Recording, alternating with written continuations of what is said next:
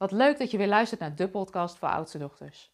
Mijn naam is Aike Borghuis en ik ben net als jij een oudste dochter. En in deze podcast wil ik het graag met je hebben over wie jou scherp houdt.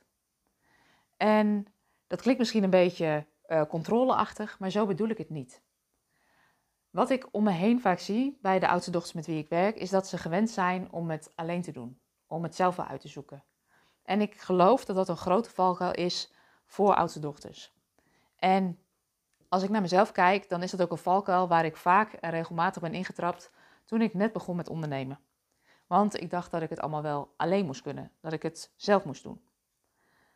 En als je bijvoorbeeld ondernemer bent, dan ben je ook overal verantwoordelijk voor. Er is geen baas die tegen je zegt, dan en dan is de deadline en moet het afleveren. De enige die dat wel doet, is de Belastingdienst, want die aangiftes die moeten op tijd binnen zijn, want anders krijg je een boete. Maar verder is er eigenlijk niemand die tegen je zegt, zo en zo moet het. En daarom is het voor oudste dochters die ondernemers zijn ook zo belangrijk om wel hulp voor zichzelf te organiseren. En dat kan door regelmatig te sparren met een andere collega-ondernemer of om het structureel voor jezelf in te regelen. En als ik kijk naar hoe ik dat voor mezelf heb geregeld, is dat ik in ieder geval iedere week begin met een van mijn teamleden, Mira in mijn geval, waarbij we eigenlijk gaan kijken, wat is er goed gegaan afgelopen week? Waar ben ik blij mee? Waar ben ik trots op? Maar dat ik ook ga kijken van, wat loopt er niet zo soepel? Waar kan ik wel wat hulp bij gebruiken? Dat soort overleggen uh, lijken altijd leuk, maar zijn ze niet altijd. En ik neem je even mee in hoe dat werkt. Want wat oudste dochters vaak doen, is dat we de lat behoorlijk hoog leggen voor mezelf. En zo kreeg ik laatst ook een keiharde spiegel van Mira die zegt: Ja, Aike, dat is leuk. Die drie dingen die je hebt bedacht, die je dichter bij je doel brengen deze week. Maar als ik de plusjes erbij optel en de komma's die je tussen de acties hebt gezet, dan zijn het al zeven grote hoofdthema's die je deze week wil gaan realiseren. Vervolgens zegt ze, die zeven grotere acties die je hebt benoemd, daar zitten nog zeker vijf subacties in. En als ik kijk naar je agenda, dan uh, gaat dat niet lukken. Wat ga je schrappen? En op dat soort momenten dan kan ik Mira wel wurgen, en dat weet ze ook. Maar het helpt me ontzettend. Want het confronteert me met dat ik te ambitieus kan plannen, te veel wil realiseren in een week. En het helpt me dus ook om rust in te bouwen in die week. Oké, deze acties gaan we deze week niet doen, die schuiven door naar volgende week. En dat Mira ook de kritische vraag kan stellen: draagt dit bij? Draagt dit bij of ben je zelf nu werk aan het verschaffen? En in mijn geval ook de vraag: moet jij dit eigenlijk wel doen? Of kunnen we als team dit ook van je overnemen of dingen van je overnemen?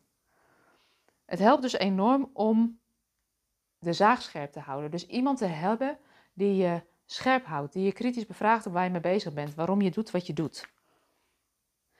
Wat het tegelijkertijd ook heel fijn maakt, is dat je op die manier ook stil kan staan bij de successen die je boekt. Want als ik kijk naar ondernemers die ik om me heen heb, en vooral ook oudste dochters, die zijn vaak gericht op wat er allemaal nog niet is of wat er nog niet is geregeld. Maar ze staan vaak niet stil bij welke stappen ze al wel hebben gezet en welke resultaten ze ook al hebben geboekt. Dus ik denk dat het belangrijk is om als oudste dochter en als ondernemer ook het om je heen te regelen dat er mensen zijn met wie je kan sparren, die je scherp houden. Is dat altijd leuk? Nee. Is het behulpzaam? Ja. En wat het ook brengt, is dat het niet meer zo alleen voelt. Je hoeft het niet langer alleen te doen. Er is iemand die met je meedenkt, die je aanmoedigt op het moment dat je spannende stappen zet, die de successen met je meeviert op het moment dat ze bereikt worden. En dat is eigenlijk ook de uitnodiging die ik heb voor die oudste dochters die gewend zijn om het alleen te doen. Zoek iemand om je heen die je kan helpen.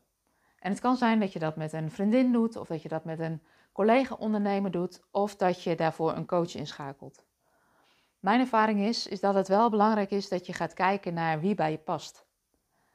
Het helpt om samen te werken met ondernemers of met mensen die uh, verder zijn dan jij. En waarom is dat belangrijk? Omdat die vaak de stappen al hebben gezet die jij nog wil zetten. Uh, mijn ervaring is dat ik niet had kunnen staan met mijn bedrijf waar ik nu sta, als ik niet had geïnvesteerd in een stuk coaching, als ik niet had geïnvesteerd in een team, als ik niet had geïnvesteerd in ja, nog beter leren ondernemen, nog uh, helderder krijgen wat voor mij van waarde is in mijn leven en daar de keuzes bij maken die daarbij passen. De uitnodiging aan jou is: ga eens na bij jezelf of je uh, mensen in je omgeving hebt die je zouden kunnen helpen om de zaag scherp te houden. Mocht je die in je omgeving niet hebben, weet dat wij je daar ook graag bij zouden willen helpen. En het enige wat je daarvoor hoeft te doen is een persoonlijk adviesgesprek aan te vragen. Um, dat kun je doen op www.oudstedochter.com. Voel geen enkele druk of geen enkele verplichting. Je kan ook gewoon lekker de podcast blijven luisteren. Maar neem de vraag eens mee vandaag. Wie zou jou kunnen helpen om je zaag scherp te houden? Ik ben heel benieuwd wie jij uh, kan vragen om je te helpen. En uh, ik wens je voor nu in ieder geval een hele fijne dag.